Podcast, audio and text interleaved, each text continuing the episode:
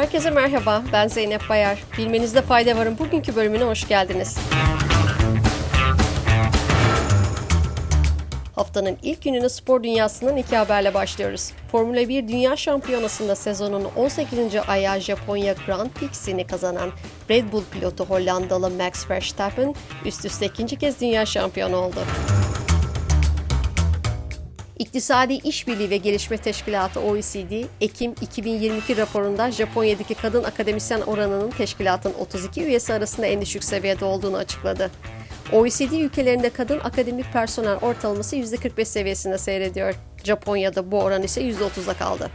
Litvanya'nın %59 ile ilk sırada yer aldığı raporda Letonya %55 ile ikinci, Finlandiya %53 ile üçüncü sırada yer alıyor.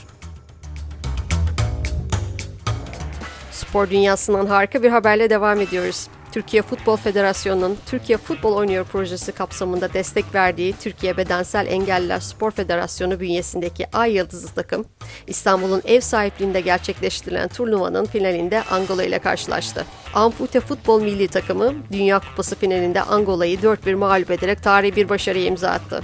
Milli takımımızı tebrik ediyor ve bir diğer önemli ödüle geçiyoruz. 2002 Nobel Ekonomi Ödülü bankalar ve finansal krizler konusundaki araştırmalarından ötürü Amerikalı ekonomistler Ben Bernanke, Douglas Diamond ve Philip Diveby kazandı.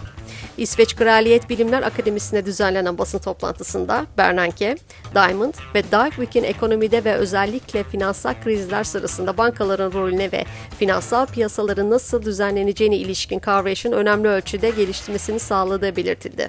Üç ekonomistin çalışmalarını finansal krizlerin toplum için keskin sonuçları olan uzun dönemli bulanımlara dönüşme riskini azaltacağını işaret edildi. Sırada Çin Halk Cumhuriyeti'nden bir haberimiz var. Çin, güneş araştırmalarına veri sağlayacak gözlem uydusu Kuafi 1'i uzaya gönderdi.